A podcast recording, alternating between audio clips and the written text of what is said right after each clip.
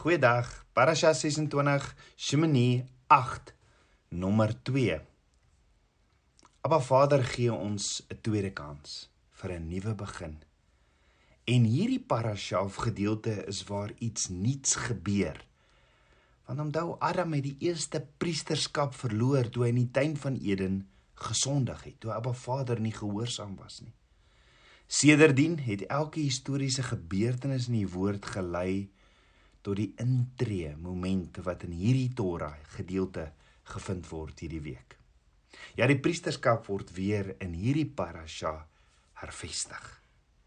Nie net beskryf die woord die openingsdag van die Levitiese priesterskap nie, maar dit hou ook 'n patroon vir ons in om die heerlikheid, die glorie van Abba Vader te kan ervaar of sien. So die parashaaf gedeelte begin in hierdie week in Levitikus 9 vers 1 wat sê en op die 8ste dag het Moses en Aaron en sy seuns, die oudste van Israel, geroep. Ja, die 8ste dag. En ons weet getalle het 'n betekenis in Hebreëus en die getal 8 beteken nuwe begin. Die 8ste dag van die week vandag is byvoorbeeld ons Sondag wat eintlik die eerste dag van 'n nuwe week is. Maar kom ons kyk na wat volgens die woord alles met die nommer 8 te doen het. Daar was net 8 mense in Noag se ark wat self 'n nuwe begin vir die mensdom was. Want 2 Petrus 2 vers 5 sê: "Abba Vader het Noag, die prediker van geregtigheid, met sewe ander bewaar toe hy die sondevloed oor die wêreld van goddelose mense gebring het." Abba Vader het vir kinders van Israel gesê dat dan het Abba Vader ook vir die kinders van Israel gesê dat hulle al hulle manlike kinders op die 8ste dag moet besny wat toevallig die tydperk is waarop die bloed begin stol het. Genesis 17 vers 10 tot 12. Dan het koning Dawid was die 8ste seun van Isaai. Dit sien ons in 1 Samuel 17 vers 12. Josia het koning geword toe hy net 8 jaar oud was, 2 Konings 22 vers 1. Die tweede verskyning van Yeshua na die opstanding het 8 dae nadat hy die graf uit opgestaan het plaasgevind Johannes 20 vers 26. En na die 7de millennium waar die Messias 1000 jaar lank sal regeer, sal die 8ste dag begin wanneer daar 'n nuwe hemel en 'n nuwe aarde sal wees. Maar daar's baie meer oor die nommer 8. Regdeur die hele woord verteenwoordig 8 'n nuwe begin, asook in hierdie gedeelte van hierdie week. Nadat die priesters 7 dae lank voorberei het op hulle roeping, gaan die Levitiese priesters vir die heel eerste keer in diens gaan. So kom ons kyk na die patrone wat Abba Vader vir ons skilder. Eerstens bring Abba Vader Moses op die berg om sodat Abba Vader sy weë aan Moses bekend maak en gee vir hom visie Want sien Amos 3 vers 7 sê want die Here Here doen niks tensy hy sy raadsbesluit aan sy knegte se profete geopenbaar het nie. So Moses dra toe Abba Vader se wee, Abba Vader se plan, sy visie oor aan die ouderlinge, asook vir Aaron wat die priesters sal lei.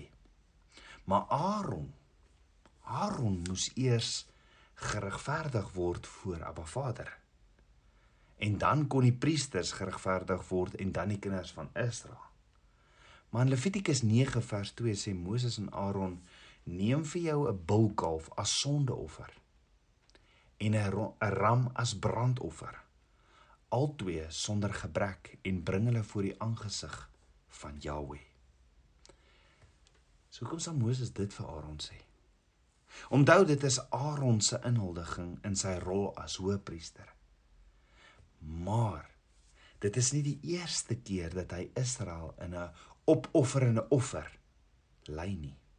Kan jy onthou wanneer was die eerste keer? Met die goue kalf. Aaron was die een wat die offer by die goue kalf gefasiliteer het. So dink daaroor, hoe ironies is dit dat Abba Vader vir hom 'n jong bul, 'n kalf gee as sy eerste offer. Was dit dalk om ook sy ongemagtigde offer van die goue kalf by Berg Sinai te werk? Met ander woorde, hierdie is die oomblik waar Aaron se sonde uiteindelik gaan reggestel word en hy dalk 'n tweede kans kry, is dit nie? Jy sien Abba Vader is 'n God van 'n tweede kans. Alhoewel Abba Vader sonde haat, gee hy sy kinders 'n tweede kans. Let wel as Abba Vader sy kinders 'n tweede kans gee, bevorder en kwalifiseer hy hulle ook. Byvoorbeeld Dawid het moord gepleeg, oorspel. Maar was eintlik die grootste koning, was uiteindelik die grootste koning van alle tye. Die enigste man wat Abba Vader gesê het, is 'n man na sy hart. Petrus het Yeshua 3 keer verraai. Maar was uiteindelik die apostel en een van die magtigste en invloedrykste volgelinge van Yeshua. Net so in hierdie parasha het ons vir Aaron wat 'n goue kalf gebou het. Dit wat Abba Vader afgodery noem en Abba Vader gee hom 'n tweede kans. Jy sien mense hou daarvan om te veroordeel. Hulle hou daarvan as mens val. Maar nie Abba Vader nie. Nie Abba Vader help jou op. Hy gee jou 'n kans om reg te maak en gee jou 'n splinter nuwe geleentheid. Tabernakelskind van Abba. Ek weet nie wat het jy al verkeerd gedoen nie. Maar jy kan vandag terugdraai na Abba Vader toe. En hy kan net so vir jou 'n tweede kans gee. As jy moord gepleeg het, oorspel gepleeg het, Yeshua verloon het of 'n goue kalf gebou het, enige iets wat jy ook as 'n afgod aanbid het, is daar ook 'n kans of geleentheid vandag nog vir jou om terug te draai na Abba Vader toe. Die punt is as daar foute is wat jy gemaak het, Hoekom nie vandag terugdraai na Abba Vader toe? Dit bely en vra vir vergifnis nie. Abba Vader is 'n goeie Vader. Hy's 'n God van barmhartigheid en medelee en kom tel ons op as ons met berou sy groot naam aanroep. So hoe maak ons reg? Of hoe draai ons terug na hom toe sodat ons ook sy heerlikheid in ons lewens kan sien of ervaar? Kom ons kyk wat leer Abba Vader ons. Want sien Abba Vader gee vir ons 'n protokol sommer vroeg vroeg in hierdie week se parasha. Aaron moes eers dinge regmaak met Abba Vader re deur restituisie. Eers nadat hy vergewe en geregverdig is, het hy offers vir die volk, sy naaste, gebring en toe kon almal aan die gemeenskapsoffer deelneem. Jy sien die tweede grootste jy, sien jy ook in hierdie gedeelte die twee grootste gebooie hier? Eerstens moet jy Abba Vader lief hê met jou hele hart. Waar jy dinge met hom regstel. Dan moet jy jou naaste lief hê soos jouself. En soms beteken dit dat jy 'n opoffering vir hulle moet maak. As jy nou daar of jy nou daarvan hou of nie. Aaron die hoëpriester se rol was die prototipe van Yeshua, ons hoëpriester. Wat dink daaroor? Hoe weet ons dat hierdie die twee grootste gebooie is? In Markus 12 vers 28 kom vra skrifgeleerde vir Yeshua, wat is die eerste gebod van almal? Jy sien die vraag wat hierdie skrifgeleerde Yeshua vra was 'n vraag wat die skrifgeleerders hulle self afgevra het vir baie jare. Omdat daar was 613 gebooie in die wet van Abba Vader. So die skrifgeleerde het na al die gebooie gekyk. Al die skrifgeleerdes het na al hierdie gebooie gekyk en hulle self die hele tyd afgevra watter een sal die belangrikste een wees. En Yeshua antwoord die skrifgeleerde met die gedeelte wat genoem word die Shema wat ons in Deuteronomium 6 vers 4 kry wat sê: Hoor Israel, Shema Israel, die Here ons God is die enige Here. Daarom moet jy die Here jou God lief hê met jou hele hart en met jou hele siel met jou al jou krag. Die Shema die gedeelte wat al die skrifgeleerdes en die fariseërs elke dag sou gekwoteer het. Dis wat hulle gekwoteer het. Ons weet Shema beteken Heer luister en obey. Jy sien nie een van die skrifgeleerdes of fariseërs was verbaas toe Yeshua die skrifgeleerde antwoord met die Shema nie, want dis iets wat hulle elke dag gesê het. Maar Yeshua sê toe verder wat sekerlik almal se hare weggeblaas het, want Yeshua sê iets by wat nie in Shema is nie en dit is en die tweede hieraan gelyk is dit jy moet jou naaste lief hê soos jouself. Hierdie gedeelte wat Yeshua bybring was was een van die wette wat so bietjie weggesteek was en wat ons kry in Levitikus 19 vers 18 wat sê jy mag nie wraakgierig of haatdraand teenoor die kinders van jou volk wees nie maar jy moet jou naaste lief hê soos jouself ek is die Here So wat die skrifgeleerde of fariseërs totaal en al verbaas is, verbaas het is dat Yeshua sê hierdie wet is net so belangrik of gelykstaande aan dat jy Abba Vader jou God moet lief hê.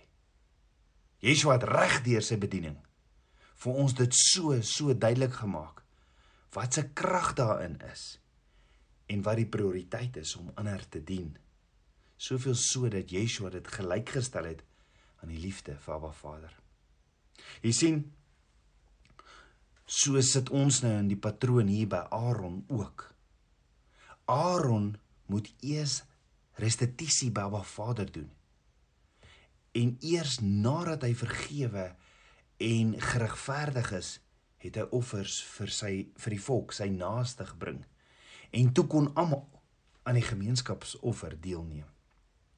Nou, hierdie patroon of protokol is wat 'n intieme verhouding met Abba Vader veroorsaak. Want onthou die hele doel van die offers was om die kinders van Israel te kry of toe te laat om tot Abba Vader te nader en gemeenskap met hom te hê. Hoor wat staan in Levitikus 9 vers 5 tot 6.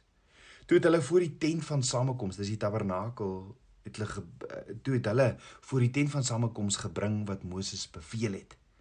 En die hele vergadering het nader gekom en gaan staan voor die aangesig van Jahweh.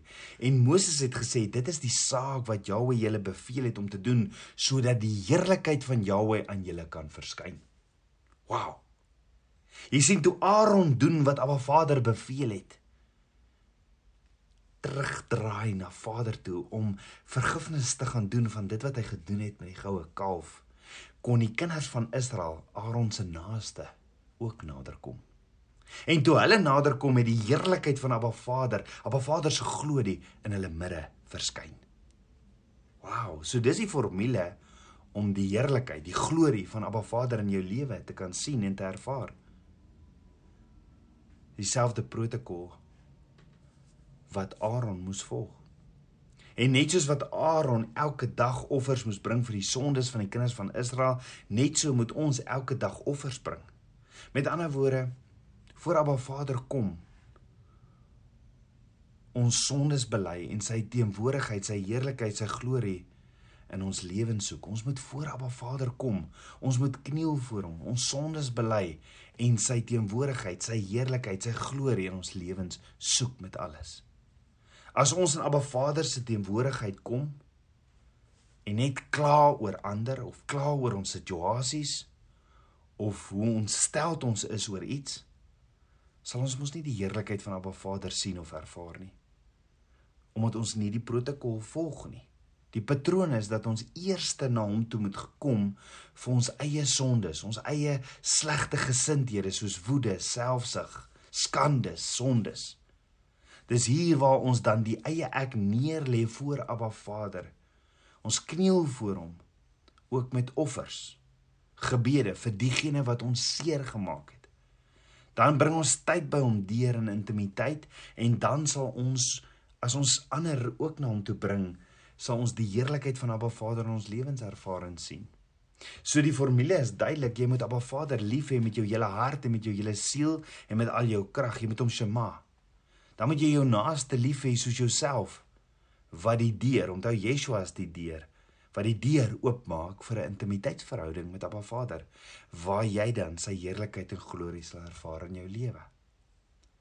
Laastens toe die heerlikheid van Abba Vader verskyn het, gebeur daar toe twee dinge. Nommer 1, die vuur het afgekom en die altaar aan die brand gesteek. En nommer 2, die kinders van Israel het geskree en op hulle aangesig voor Abba Vader geval. Dit sien ons in Levitikus 9 vers 24. So dink gou daaroor. Was dit nie die heel eerste aanbringingsdiens met offers van die priesters nie? Want sien die offers was op die altaar. Aaron het sy deel gebring. Die priesters onder hom het hulle deel gebring en die kinders van Israel het toegekyk en het met groot verwagting die tabernakel omring. En ewe skielik het die vuur van Abba Vader uit die lug gekom, die offers verteer en die altaar aangesteek die einste altaar waar Abba Vader gesê het waarvan die vuur nooit uitgeblus moes word nie. Ek meen Aaron kon die altaar aangesteek het. Hy kon dit self aangesteek het. Hy kon 'n groot vreugdevuur begin het en die offer self verbrand het. Maar hy het nie hierdie keer nie. Nie soos wat hy gedoen het by goue kalf nie. Hy het op Abba Vader gewag sodat Abba Vader sy deel doen. Hy het geweet dat hy net Abba Vader se instruksies moet shema en daarom het hy geweet nou moes hy op Abba Vader wag, sy groter verbondsvernoot, want sien as Abba Vader die vuur aansteek, gaan dit nooit uit nie. Aaron het die moontlike gedoen. Abba Vader die onmoontlike, want die vuur van Abba Vader kan nie deur mens vervaardig word nie. Dit kan nie profane fire wees soos wat Nadav en Abihu sy seuns vir Abba Vader gebring het nie.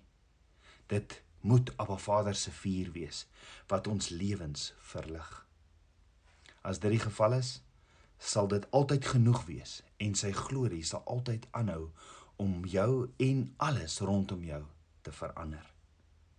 So tabernakels kind van Abba, hoe weet jy wanneer die heerlikheid, wanneer die glorie van Abba Vader sy heilige vuur geopenbaar word? Want net soos met 'n vuur neem dit iets van een toestand en transformeer dit in 'n ander toestand. Dit neem gereelde aardgebonde voorwerpe, verbruik dit totdat dit onherkenbaar is en transformeer dit in 'n heel ander toestand waar dit hoog in die atmosfeer opgelig word. Daardie vonke is dan die oorblyfsels van die heerlikheid van Abba Vader in ons lewens. Met ander woorde wat vernietig lyk is eintlik 'n transformasie. Dit is juis die rede hoekom ons dit as pure vreugde moet beskou as ons beproewings as daar beproewings oor ons pad kom. Abba Vader gebruik die beproewings om ons te verhef. Wanneer ons onsself as lewende offer op die altaar plaas, en ons gaan dood aan onsself, sal Abba Vader daardie beproewings gebruik om dit te verbrand. Hierdie verbranding of reiniging skep 'n dieper verhouding met Abba Vader. Onthou gou weer, Yeshua het verskyn aan sy disippels ook op die 8ste dag. Hoekom? Yeshua het vir ons almal 'n nuwe begin gebring. Maar voordat hy dit gedoen het, wat het hy gedoen? Hy het eers die patroon gevolg van wat Aaron hier in hierdie Torah gedeelte gevolg het. Yeshua moes eers homself offer en dit het begin in die tuin van Getsemane waar hy vir Abba Vader sê Matteus 26 vers 39 My Vader as dit moontlik is laat hierdie beker by my verbygaan maar nogtans nie soos ek wil nie maar soos U wil. Toe is hy gekruisig vir my en jou en hy het verzoening gedoen vir ons. Met ander woorde, die vuur van Abba Vader het neergedaal en Yeshua is in die graf gesit. En dit het, het gelyk asof Yeshua dood was. Maar die waarheid was dat hy die formule geken het. Hy het geweet wat sou gebeur as hy die hoëpriester formule volg. Die finale resultaat sou die heerlikheid van Abba Vader wees en dat sy kinders uiteindelik ook op hulle aangesig sou val in aanbidding voor Abba Vader. Met ander woorde, die een wat dood gegaan het aan sy wil in Getsemane, is die een wat toegelaat het dat die vuur en die oordeel van sy Vader op hom val, die kruis. Wat ook die een sou word wat uit die stof die dood sou opstaan en verhef word tot aan die regterhand van Abba Vader. Net so wil jy ook hê dat die krag van Abba Vader in jou lewe moet kom. Is jy gereed om tot 'n heel nuwe vlak verhef te word? Is jy gereed om die kettinge te los en die soort glorie en intimiteitsverhouding met Abba Vader te ervaar wat hy nog altyd met jou wil hê? Word dan die koninklike priesterlike diensbare bruid waarna toe hy jou roep. Volg in ons hoë priester se voetspore en Yeshua se voetspore. Volg Abba Vader se protokol of formule en sien en ervaar die heerlikheid, die glorie van Abba Vader in jou lewe. Hoekom nie vandag Abba Vader nader en terugkeer na hom toe nie? He's a good good father en hy's 'n vader van 'n tweede kans. Kom ons bid saam.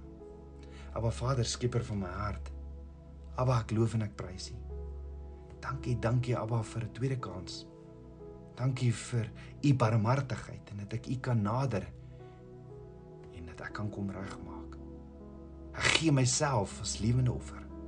Kom was my met die waterbad van u woord. Kom leef in my. Ek wil meer en meer u glorie, u heerlikheid sien en ervaar. Meer en meer van u in my lewe. Ek bid dit alles in Yeshua Messie se naam, die seun van Jahweh. Amen. Shalom.